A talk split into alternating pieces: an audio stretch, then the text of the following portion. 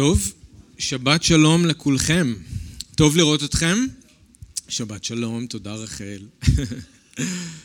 מה שלומכם, בסדר? כן? כבר טוב, מצוין. כן, ממש טוב לראות את uh, כולכם, ואנחנו שמחים, שמחים תמיד על ההזדמנות להתאסף ביחד בשבתות, ובאמת, כמו שסטפן אמר, הייתה אספה מאוד מבורכת ביום רביעי, ואנחנו מודים לכם, כל מי שעשה את המאמץ והגיע, אנחנו יודעים שהיו כאלה שלא יכלו, אבל הזמן היה מאוד מיוחד ביחד. ואנחנו מרגישים שהאדון פועל בקרבנו וזה מברך אותנו ואנחנו רוצים להתקדם ביחד איתו למה שיש לו בשבילנו. אמן?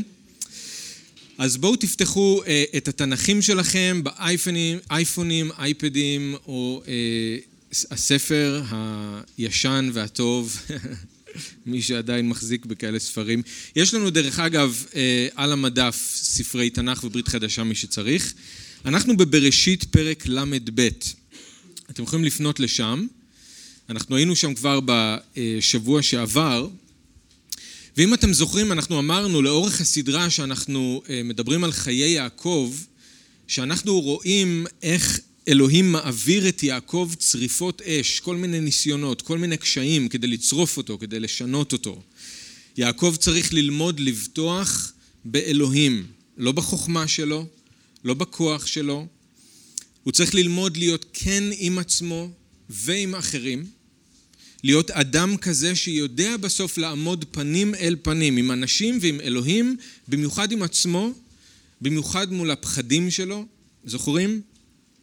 במקום לברוח ממה שמפחיד אותו, הוא צריך ללמוד לבטוח באלוהים, שאלוהים איתו, גם במצבים המפחידים האלה. היום אנחנו רואים את השיעור הזה מגיע לאיזשהו שיא בחיים של יעקב. הוא בין לבן לבין עשיו, נכון? שני אויבים. לבן כבר מאחוריו, אבל עשיו, שזה האויב שהוא הכי מפחד ממנו, וכמו שאתם זוכרים פה זה יותר מורכב מבחינת יעקב בגלל שהוא לא חף מפשע, הוא אשם. אוקיי? אז הוא מפחד מאוד מהמפגש הזה עם עשיו, ובין לבן לבין עשיו קורה משהו מאוד לא צפוי, לא ליעקב וגם לא לנו. עוד מפגש עם עוד מישהו שהוא צריך להתמודד מולו, מפגש שישנה אותו בצורה העמוקה ביותר שיכולה להיות. כי הפעם אנחנו נראה שמי שמתייצב מולו הוא לא אחר מאשר אלוהים בעצמו. אז אם אתם זוכרים, דיברנו על שלושה מפגשים בחיים של יעקב שמשנים אותו. לא אוטומטית, הוא לא הופך להיות מיד מישהו אחר, אבל שלושה מפגשים שמשנים את יעקב. אחד עם לבן, שתיים עם המפגש הזה, עם אותו האיש שאנחנו נראה היום, ושלוש עם עשיו. שלושה מפגשים שבהם הוא חייב להתמודד עם מה שמפחיד אותו, והוא חייב לעבור את זה ולהפוך להיות מישהו שיודע להתמודד פנים אל פנים עם האנשים האלה, עם הפחדים שלו. אז בואו נסתכל, פרק ל"ב, פסוק 23. ויקם בלילה הוא, ויקח את שתי נשיו ואת שתי שפחותיו ואת אחד עשר ילדיו, ויעבור את מעבר יבוק. ויקחם ויעבירם את הנחל, ויעבר את אשר לו, ויוותר יעקב לבדו, ויאבק איש עמו עד עלות השחר. וירא כי לא יכול לו, ויגע בכף ירחו, ותקע כף ירך יעקב בהיאבקו עמו. ויאמר שלחני כי עלה השחר. ויאמר לא אשלחך כי אם ברכתני. ויאמר אליו מה שמך? ויאמר יעקב. ויאמר לא יעקב יאמר עוד שמך כי אם ישראל. כי שרית עם אלוהים ועם אנשים ותוכל. וישאל יעקב ויאמר הגידה נא שמך. ויאמר למה זה תשאל לשמי? ויברך אותו שם. ויקרא יעקב שם המקום פניאל, כי ראיתי אלוהים, פנים אל פנים, ותנצל נפשי. ויזרח לו השמש כאשר עבר את פנואל, והוא צולע על ירחו. על כן לא יאכלו בני ישראל את גיד הנשה אשר על כף הירך עד היום הזה, כי נגע בכף ירך יעקב בגיד הנשה.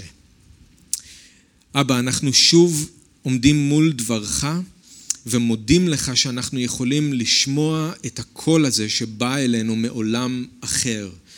אנחנו מודים לך שלהבדיל מכל שאר השבוע, שאנחנו מוצפים במילים שבאים אלינו מתוך עצמנו, שבאים אלינו מתוך העולם הזה, דעות של אנשים אחרים, אנחנו מודים לך שאנחנו יכולים לעצור כל שבת ולהתקרב אל הקול הזה שבא אלינו מעולם אחר, אל המילים האלה שהם דבר חי, שיש בו את הכוח לשנות, את הכוח להשפיע, את הכוח לפעול בלב שלנו. אנחנו מבקשים ממך חסד כדי שלא נפספס את הפועל שלך. אנחנו מבקשים ממך אוזניים לשמוע. אנחנו מבקשים ממך לב שמבין ויודע לחזור בתשובה, להיכנע לך, לאהוב את הדבר שלך, שרוצה להתקרב אליך. אנחנו מבקשים שתגן עלינו בזמן הזה מכל מיני הסחות דעת, מכל מיני דברים שיכולים לגנוב מאיתנו את הזרע הטוב של דברך. אנחנו מבקשים שתעשה את הפועל עמוק בתוכנו, לא בשבילנו, לא כדי שאנחנו נקבל כבוד, אלא כדי שאתה תקבל כבוד, כדי שהשם שלך יפואר, שנהיה שריגים בגפן שנושאים פרי רב למענך. אנחנו מודים לך, אנחנו מברכים אותך בשם ישוע. אמן. אז אני חושב כשאנחנו קוראים את הקטע הזה, אם אתם מרגישים כמוני, אז אנחנו מרגישים שהקטע הזה מעלה הרבה יותר שאלות מאשר תשובות. אין כאן הרבה פרטים בכלל, ויש כאן משהו מאוד מאוד משונה, מאוד זר, מאוד ייחודי. אבל אני חושב שזה גם הקסם של הקטע הזה. אנחנו מרגישים שהקטע הזה כל כך משונה וכל כך זר לנו, ואיכשהו דווקא בגלל זה הוא תופס אותנו. ודווקא בגלל זה הוא נכנס עמוק והוא מדבר אלינו. אז אני רוצה שאנחנו נסתכל קודם כל על הסיפור עצמו, ננסה להבין איך יעקב בכלל מוצא את עצמו בתוך המצב הזה שבו הוא נאבק עם האיש הזה, המאבק הלילי המשונה הזה, איך הוא מוצא את עצמו שם, מה בדיוק קורה שם בתוך המאבק, ואז אני רוצה שנראה איך זה משפיע על יעקב ומה אנחנו יכולים ללמוד מזה גם. אז קודם כל, איך יעקב בכלל מוצא את עצמו בתוך המאבק הזה? מה קרה שפתאום הוא צריך להיאבק? למה אותו איש מסתורי פתאום נלחם נגדו? האמת שיש כאן מעט מאוד מידע בקטע, אין כאן תשובה חד משמעית. אם מישהו אומר לכם בוודאות שהוא יודע, אז זה לא נכון, כי אין לנו כאן תשובה חד משמעית. גם אני לא יודע חד משמעית מה קורה כאן. לא כתוב לנו למה יעקב פתאום קם באמצע הלילה והתחיל להעביר את כולם את הנחל. למה האיש תוקף את יעקב? לא כתוב לנו.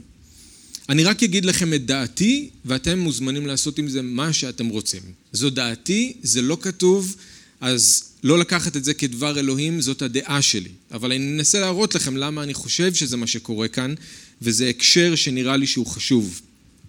אני חושב שההקשר של המאבק הזה עם יעקב, זה שיעקב מנסה לברוח. זה מה שאני חושב שקורה כאן. אני חושב שהוא מנסה לברוח. והאיש הזה נאבק איתו כדי לעצור אותו.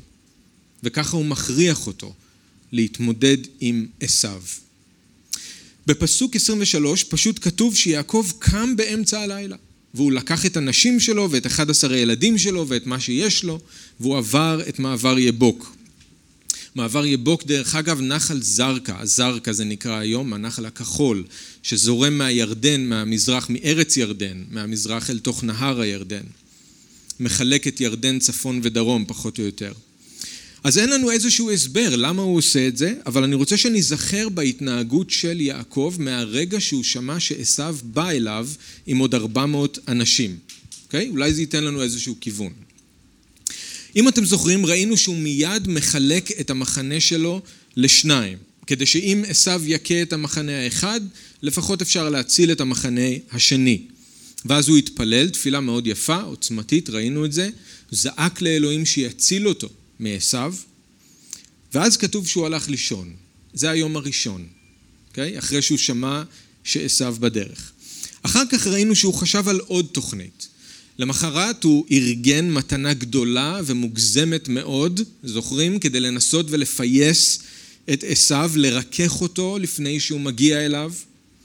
אבל הוא לא שלח את המתנה, אתם זוכרים, בבת אחת, הוא חילק לחמישה עדרים. הרעיון היה של, שגלים של מתנות ישטפו את עשיו, כן, עד שהוא מגיע אליו, ושכל העבדים שהוא יפגוש בדרך, כולם יגידו לו בדיוק את אותו דבר, וינסו לדבר על ליבו, ויגידו לו, יעקב רוצה לכפר על מה שהוא עשה, והוא מקווה שתסלח לו. ואז כשהוא יגיע אליו, הוא יגיע אליו מפויס ומלא במתנות טובות. ואז כתוב שהוא שלח את כל המתנה הגדולה הזאת לפניו, והוא הלך לישון. זה היום השני. ושם אנחנו עצרנו בפעם הקודמת. כתוב שהוא לן במחנה באותו הלילה. זאת אומרת, הוא לן במחנה שנשאר בצד הצפוני של נחל יבוק. המחנה הזה עוד לא עבר לקראת עשיו. עוד לא עבר לקראת עשיו, הוא נשאר במרחק בטוח כדי שהוא יוכל לראות מה קורה למחנה הראשון, ואם צריך זה ייתן לו מספיק זמן כדי לברוח. אז אלה היומיים שעברו מאז שיעקב שמע שעשיו בדרך, אלה כל ההכנות שהוא עשה, ועכשיו אנחנו פתאום מגלים שהוא בעצם לא מצליח לישון. כתוב לנו הוא לן בלילה ההוא במחנה, אבל כתוב לנו שהוא קם באמצע הלילה. הוא לא מצליח לישון באותו לילה. הוא קם והוא פתאום אה, מתחיל להעיר את כל הנשים והילדים, מתחיל לארוז את כל הדברים כדי להעביר את כולם, את נחל יבוק, באמצע הלילה. עכשיו, למה שהוא יעשה דבר כזה? למה שהוא יעשה דבר כזה? למה שהוא לא ישאיר אותם בצד השני של הנחל, איפה שהם במרחק בטוח מעשיו, ואם עשיו באמת יתקוף הם יוכלו לברוח, למה לקרב אותם לעשיו? למה להעביר אותם את מעבר יבוק ולקרב אותם לעשיו? עכשיו זה גם נראה די ברור שזה לא משהו שהוא תכנן מראש לעשות. כולם כבר הלכו לישון. גם הוא כבר הלך לישון. אז אם זאת הייתה התוכנית שלו מלכתחילה, אז הוא היה עושה את זה במשך היום, כשיש עוד אור, הוא היה עושה את זה בצורה מסודרת. אם הוא רוצה להעביר את כל הנשים ואת כל הילדים ואת כל אשר לו, את מעבר יבוק, וזאת הייתה התוכנית שלו, אז הוא היה עושה את זה לפני זה, באמצע היום. הרבה יותר קל לעבור את הנחל עם כל הנשים והילדים והציוד ביום. למה עכשיו פה, פתאום, באמצע הלילה? משהו כאן לא מסתדר. זה לא סתם עוד חלק בתוכנית שלו. לי זה נראה שהפחד לא מניח ליעקב לישון.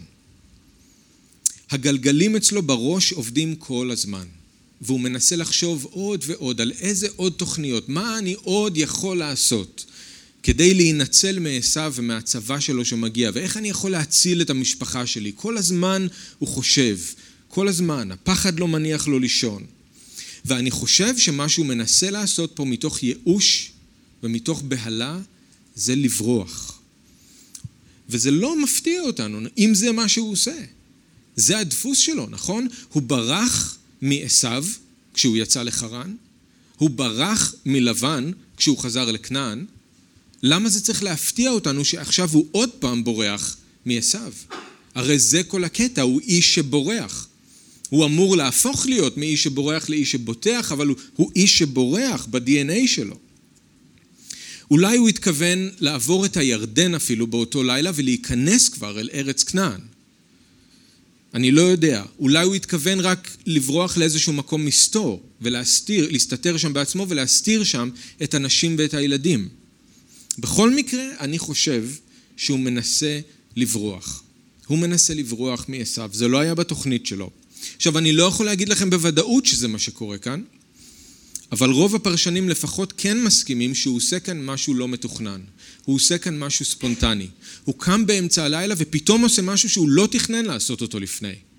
זה כמעט כל הפרשנים מסכימים. אז צריך לנסות להחליט למה הוא עושה את זה באמצע הלילה, לעבור עם כל המשפחה שלו.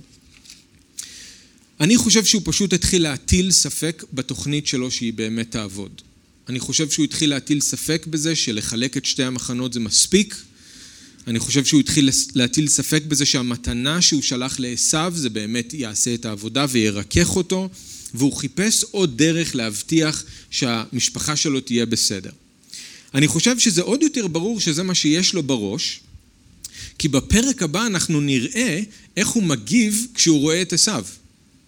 איך הוא מגיב כשהוא רואה את עשו? הדבר הראשון שהוא עושה זה שהוא מחלק עוד פעם, עוד חלוקה הוא עושה, של הנשים ושל הילדים שלו. הוא מחלק את הנשים ואת הילדים והוא שם את היקר לו מכל, את רחל ואת יוסף, בסוף.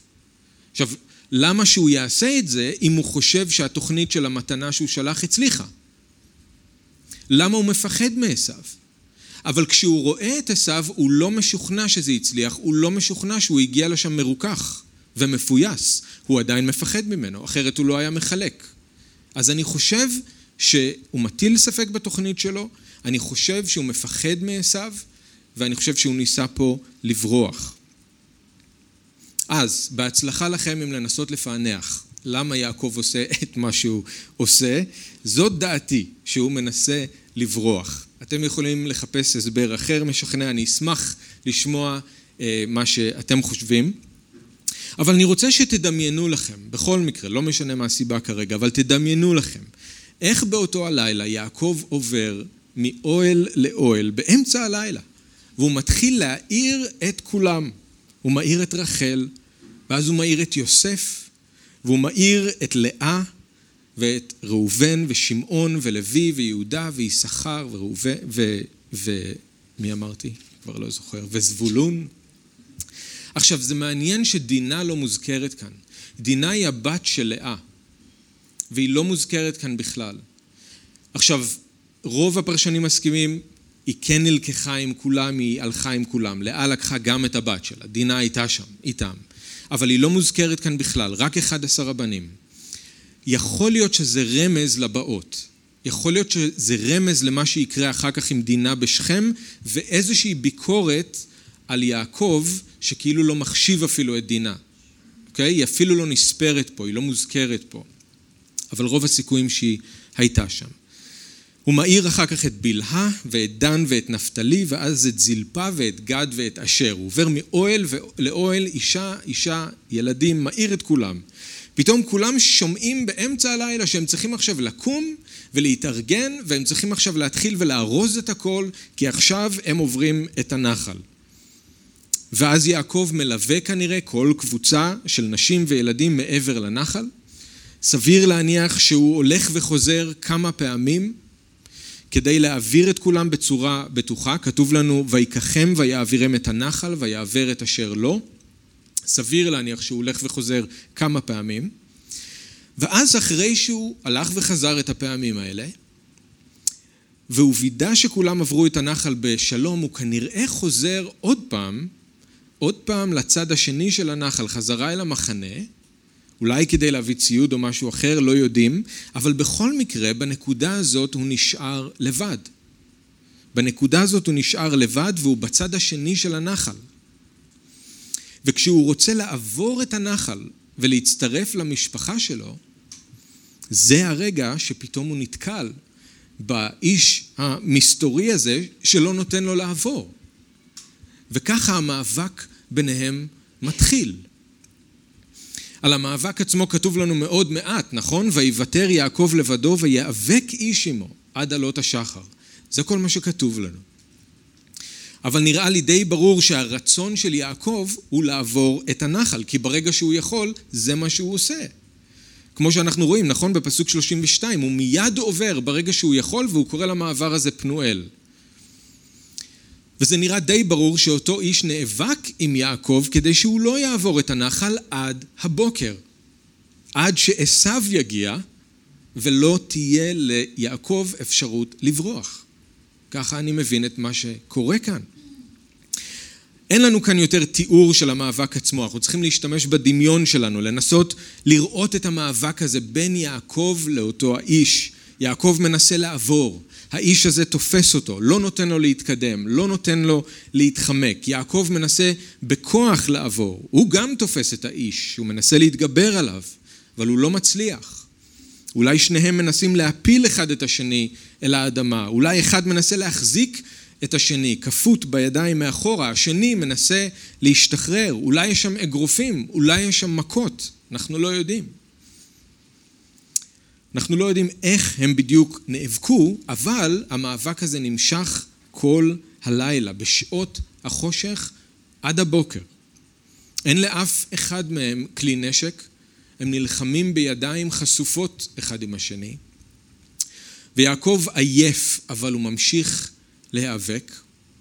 סביר להניח שכל הזמן הזה הוא לא מבין עדיין עם מי הוא נלחם. אולי הוא חושב שזה אחד מאנשי הצבא של עשיו, כמו שרש"י למשל הציע ואחרים, זה שליח של עשיו. אולי זה מה שהוא חושב בשלב הזה. אולי הוא חושב שזה מישהו מארץ כנען, שלא כל כך אוהב את הרעיון שהוא והחמולה שלו מגיעים עכשיו לתוך הארץ להשתקע שם. אז מישהו מארץ כנען בא לריב איתו ולעצור אותו. מי שזה לא יהיה, אותו בן אדם כרגע עומד בין יעקב לבין המשפחה שלו. הם לבד בצד ההוא של הנחל, והוא כאן בצד הזה של הנחל, והוא לא יכול להיות שם עם המשפחה שלו כדי להגן עליהם, הוא לא יכול לשמור עליהם. הם בטח גם דואגים, נכון? ולא מבינים לאן הוא נעלם. הקימו אותם בכזאת דרמה, במהירות, בלחץ, באמצע הלילה, מעביר את כולם, ואז הם מחכים ומחכים ומחכים. הוא עבר רגע לצד השני, אמור לחזור, והם שמה לא מבינים מה קרה לו. למה הוא לא חוזר? אולי הם אפילו חושבים שהוא הפקיר אותם כדי להציל את עצמו. אולי הם חושבים שהוא העביר אותם את הנחל, קירב אותם לעשו, ועכשיו הוא משאיר אותם שם, והוא נשאר לבד במחנה ההוא, בטוח. אבל הם לא יודעים כל הלילה מה קורה איתו, הם גם מחכים לו. אותו איש גם עומד לא רק בין יעקב לבין המשפחה שלו, שלו אלא בין יעקב לבין הארץ המובטחת, נכון? זאת הירושה שאלוהים הבטיח לתת לו, ועכשיו האיש הזה מונע ממנו לעבור ולרשת את הארץ. אז האיש הזה בעצם עומד בין שתי הבטחות מאוד חשובות שאלוהים נתן ליעקב, צאצאים וארץ, ויעקב לא מוכן לוותר. הוא הגיע כל כך קרוב, והוא לא מוכן לוותר עכשיו. אז אחרי כמה שעות של מאבק, השמיים מתחילים עכשיו כבר להתבהר. אותו איש מבחינתו עשה את מה שהוא בא לעשות. אפשר לסיים את המאבק מבחינתו, כן? עשו עוד מעט מגיע, יעקב יצטרך להתמודד עם המפגש הזה שכל כך מפחיד אותו. מבחינתו זה מה שהוא בא לעשות, לעצור אותו, לעכב אותו עד הבוקר, לא לתת לו לברוח. אבל כשהוא רואה שיעקב ממשיך ומתעקש, הוא רואה שיעקב לא מוותר, אז הוא עושה משהו שיעקב לא ציפה לו, וגם אנחנו לא. הוא נוגע בירך של יעקב, ורק הנגיעה שלו, רק הנגיעה שלו בירך של יעקב גורמת לירך לצאת מהמקום. פוצע אותו, פוגע בו. בשנייה אחת הוא הופך את יעקב לנכה, לאדם צולע. רק נגע בו. עכשיו, הרגע הזה חשוב, כי קורים בו שני דברים. אחד, יעקב פתאום מבין שהוא לא נלחם מול אדם רגיל. הוא לא נלחם מול אדם רגיל. אף אחד לא יכול לעשות את מה שהוא עשה. בנגיעה אחת, לגרום לכזאת פציעה, לגרום לכזה נזק, רק בנגיעה, הוא מבין שזה לא אדם רגיל. אולי בפעם הראשונה בלילה הזה. שניים, הוא פתאום מבין שאותו איש בעצם היה יכול לנצח אותו מזמן אם הוא היה רוצה.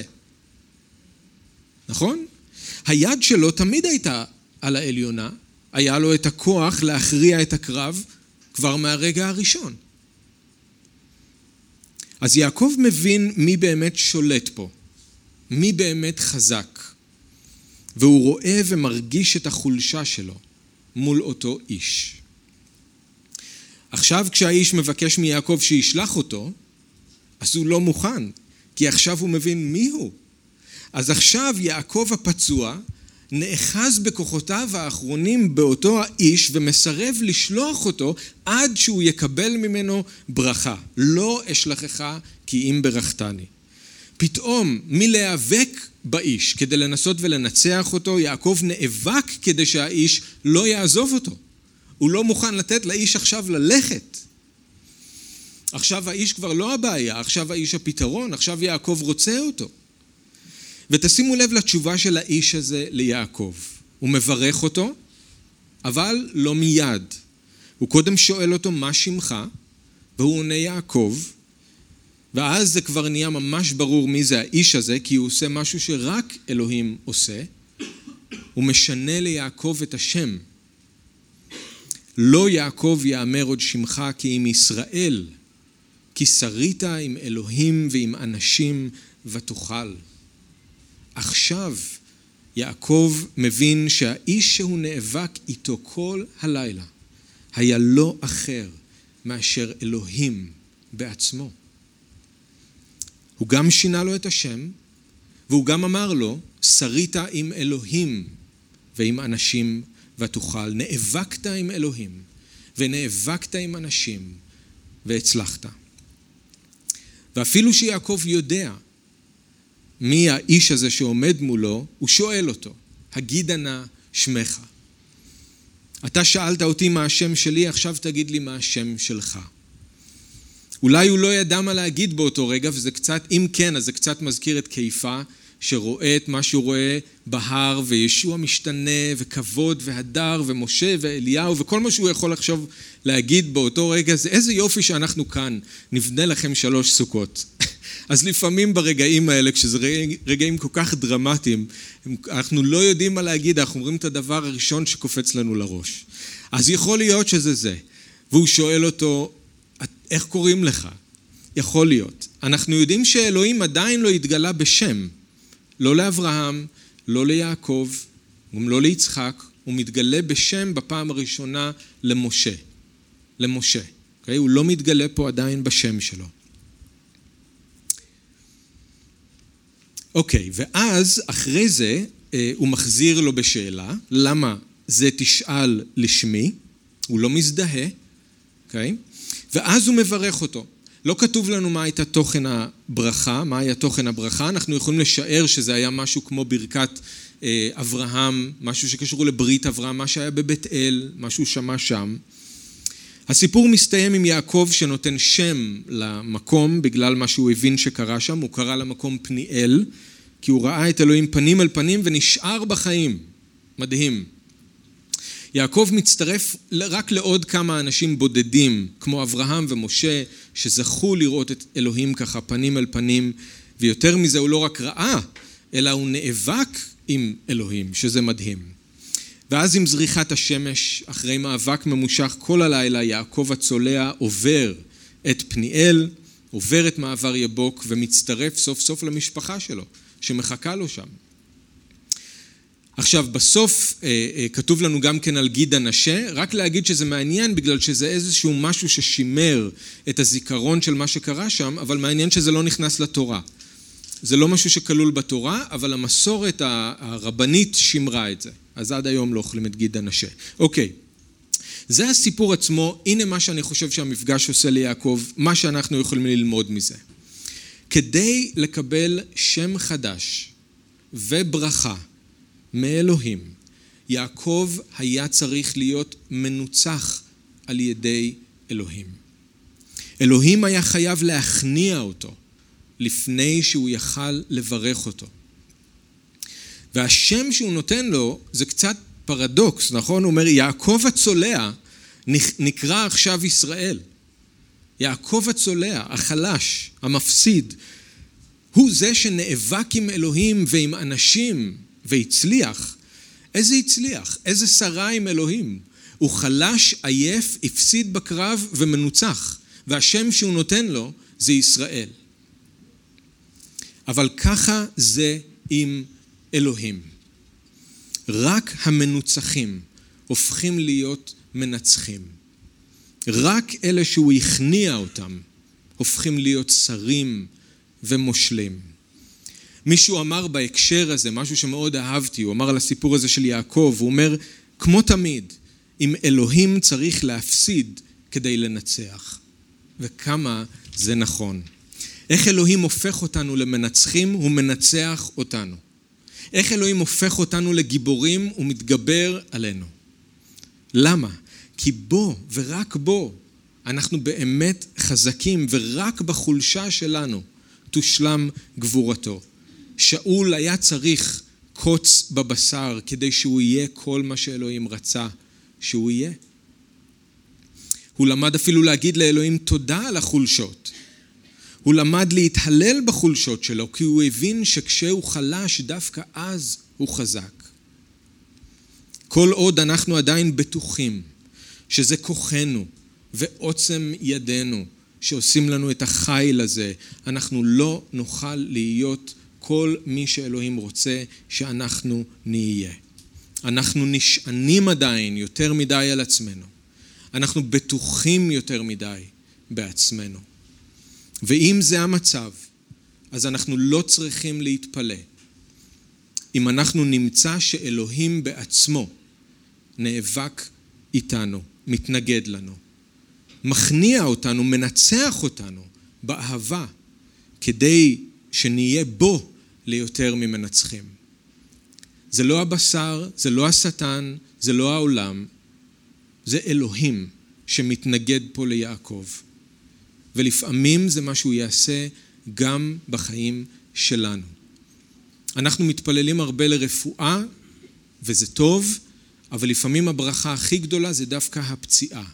שם אנחנו מבינים וזוכרים שאנחנו נשענים על אלוהים, לא על עצמנו, ואנחנו לחלוטין נתונים לחסדו ובטוחים בו. כדי לברך את יעקב וכדי לתת לו שם חדש, אלוהים היה צריך להיאבק ביעקב ולהראות לו כמה הוא חלש. כמה הכוח והחוכמה שלו לא מספיקים. הוא לא יכול להציל את עצמו. יעקב היה צריך ללמוד שלא בכוח יגבר איש, כמו שכתוב, ושזה לא בכוח ולא בחיל, כי אם ברוחי, אמר אדוני. יעקב היה צריך ללמוד שאלוהים לא בגבורת הסוס יחפץ ולא, בגבור, ולא בשוקי האיש ירצה, כי אם במייחלים לחסדו. אלוהים גרם ליעקב לצלוע כדי שהוא לא יוכל לברוח מעשיו, וכדי שהוא יראה איך אלוהים יכול להושיע אותו בלי קשר לכוח שלו ולחוכמה שלו.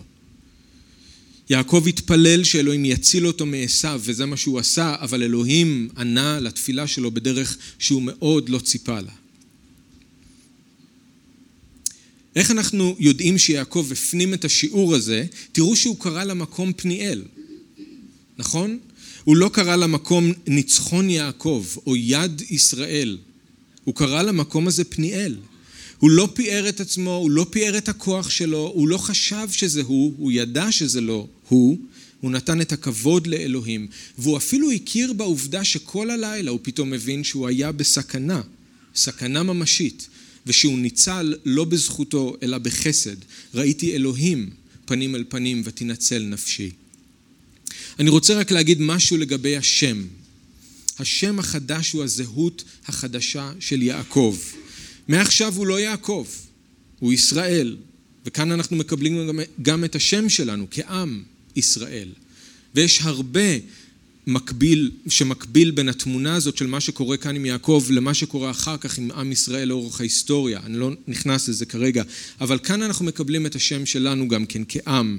כאן בפעם הראשונה זה מופיע, השם החדש של יעקב. תראו שלפני שיעקב קיבל את השם החדש, האיש שאל אותו, מה שמך? כשאלוהים שואל את אדם, אם אתם זוכרים בגן עדן, איפה הוא ומה הוא עשה, זה לא בגלל שהוא לא ידע. כשהוא שואל את קין, איפה הבל אחיך, זה לא בגלל שהוא לא ידע. וכשהוא שואל כאן את יעקב איך קוראים לו, זה לא בגלל שהוא לא יודע. השאלות האלה הן תמיד בשביל הבן אדם, לא בשביל אלוהים. הן בשביל שאותו אדם ישמע את עצמו אומר את האמת. להביא את אותו אדם למקום שבו הוא מתוודה, מודה באמת, וככה זה גם עם יעקב. כשהוא שואל אותו איך קוראים לו, בשביל להגות את השם שלו, יעקב, זה להודות במי שהוא ובמעשים שלו. אתם זוכרים מה עשו אמר כשהוא גילה מה יעקב עשה לו? הכי קרא שמו יעקב ויעקבני זה פעמיים. את בכורתי לקח והנה לקח את ברכתי. השם שלו זה יעקב, לשם שלו קשורים המעשים שלו. הוא עקב אותי פעמיים. השם של יעקב קשור למה שהוא עשה, למי שהוא היה באמת ולאיך שהוא מתנהג, אפילו ממש עכשיו, יעקב הישן. אז בשבילו להגיד איך קוראים לו זה סוג של וידוי, זה לא קל להגיד אני יעקב. אני זה שעקבתי את אחי פעמיים, אני זה ששיקרתי, אני זה שרימיתי. אז לפני שאלוהים נותן ליעקב שם חדש, הוא מכריח אותו לעמוד פנים אל פנים עם השם הישן שלו, בעצם לעמוד פנים אל פנים מול עצמו. הוא מכריח אותו להסתכל במראה על מי הוא באמת. ואתם יודעים מתי הפעם האחרונה שיעקב שמע מישהו שואל אותו מי הוא? זה היה גם לפני שהוא קיבל את הברכה. זה היה מיצחק, אבא שלו, ששאל אותו מי הוא שם באוהל. ויעקב שיקר אז, והוא אמר שהוא עשיו. ואז הוא קיבל את הברכה במרמה, אבל עכשיו יש לו הזדמנות לתקן. נכון? הוא חשוף, הוא בלי אורות עיזים על הידיים, הוא בלי בגדים שלא שייכים לו. זה רק הוא כמו שהוא.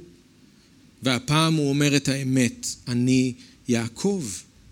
ואז כשהוא אומר את זה, אז כשהוא אומר אני יעקב, אז הוא זוכה בשם החדש ובברכה הזאת מאלוהים, בזהות חדשה. ויאמר אליו מה שמך, ויאמר יעקב, ויאמר לא יעקב יאמר עוד שמך, כי אם ישראל. כי שרית עם אלוהים ועם אנשים ותוכל. לא עקבת, אלא שרית. לא רימית, לא ברחת, לא שיקרת, לא גנבת, שרית. נאבקת פנים אל פנים עם מי שעומד מולך ונאבקת עד הסוף. לא ניסית להשיג את הברכה במרמה, עמדת חשוף ונאבקת. רש"י, שאני לא מסכים עם הפרשנות שלו, כמובן שזה שליח של עשיו פה, אבל הוא אומר משהו כל כך יפה על השם החדש של יעקב. רש"י אומר על השם החדש שהוא קיבל, לא יאמר עוד שהברכות באו לך בעקבה וברמייה, כי אם בשררה ובגילוי פנים. סופך שהקדוש ברוך הוא נגלה אליך בבית אל ומחליפו את שמך. בשררה ובגילוי פנים. זה לדעתי מסכם את הכל. לכאן אלוהים ניסה להביא את יעקב, וסוף סוף הוא מגיע לנקודה הזאת. סוף סוף יעקב הופך להיות מישהו שנאבק, והוא נאבק פנים אל פנים, לא מישהו שבורח. פנים אל פנים זה אומר שהוא עם הפנים שלו, אלוהים עם הפנים שלו, פנים אל פנים. בלי מסכות.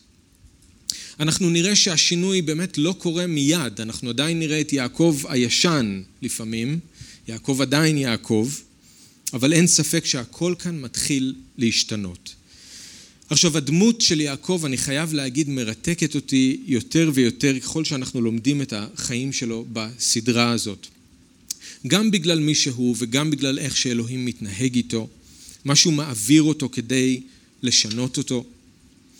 והיום זה רגע שהוא שיא בחיים של יעקב וביחס של אלוהים אליו. אלוהים מצליח להביא אותו למקום שבו הוא עומד מולו חשוף, פנים אל פנים, ואז במקום הזה של המאבק, של הכנות, שם הוא נותן ליעקב שם חדש. ומעניין שהשם הזה לא מדבר על זה שיעקב הוא עכשיו מושלם.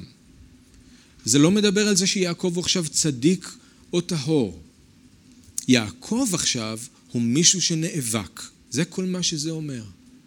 יעקב הוא מישהו שנאבק, הוא לא מישהו שבורח, הוא מישהו שנאבק. וזה הרצון של אלוהים בשביל כולנו. שכולנו נלמד להיאבק.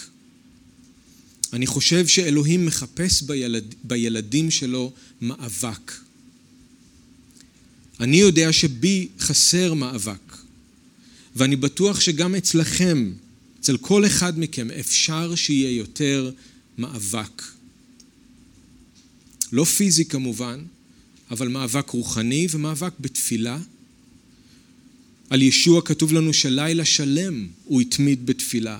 שאול התחנן שלוש פעמים שהאדון יסיר ממנו את הקוץ. זה בא תוך כדי מאבק, הכניעה של שאול למצב שלו. אפפרס כתוב לנו שהוא נאבק בתפילות למען הקולוסים. נאבק. זוכרים שישוע לימד את התלמידים שלו על תפילה? בלוקאס 11, י"א, הוא אומר להם, אם אחד מכם ילך אל ידידו בחצות הלילה ויאמר לו, ידידי, הלווה לי שלוש כיכרות לחם, כי חברי הגיע אליי מן הדרך ואין לי מה להגיש לו, וזה שבתוך הבית ישיב ויאמר, אל תטריד אותי, הדלת כבר נעולה וילדיי איתי במיטה, אינני יכול לקום ולתת לך, אומר אני לכם, גם אם לא יקום לתת לו על היותו ידידו, יקום בגלל העזתו. וייתן לו כל צרכו.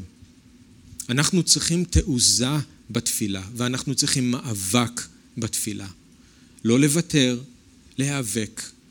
ואם אנחנו רוצים ברכה, ואם אנחנו רוצים זהות חדשה, ואם אנחנו רוצים לראות את אלוהים פועל, אז אנחנו צריכים ללמוד להיאבק, כמו שיעקב נאבק. ולא לוותר. לא לוותר. אם משהו לא מספיק חשוב לנו, שניאבק בשבילו, למה אתם חושבים שזה איכשהו יהיה חשוב לאלוהים לתת לנו את זה? אם התפללנו פעם אחת, פעמיים וויתרנו, מה זה מראה על עד כמה זה חשוב לנו?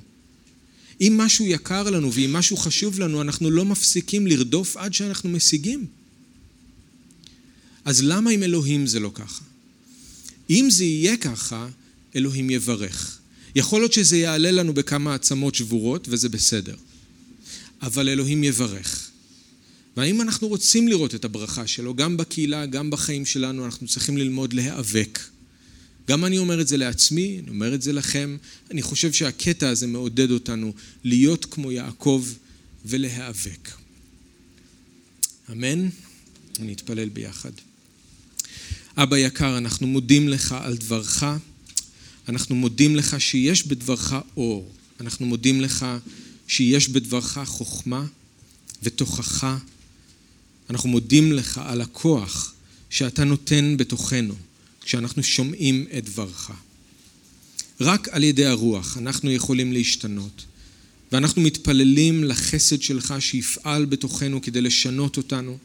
אנחנו רוצים שתביא אותנו, כמו שהבאת את יעקב, למקום הזה שבו אנחנו לומדים להיאבק במקום לברוח, לעמוד חשופים, פנים אל פנים, מולך, מול עצמנו, מול אנשים אחרים. אנחנו רוצים את הברכה, אנחנו רוצים את השם החדש. תעזור לנו להיאבק עד שנשיג, תעזור לנו לא לוותר. אנחנו רוצים שתשנה אותנו, אנחנו מאמינים שאתה יכול. ואנחנו מפקידים את עצמנו שוב בידיים שלך שתעשה את זה, לכבודך, אדון, בשם ישוע. אמן.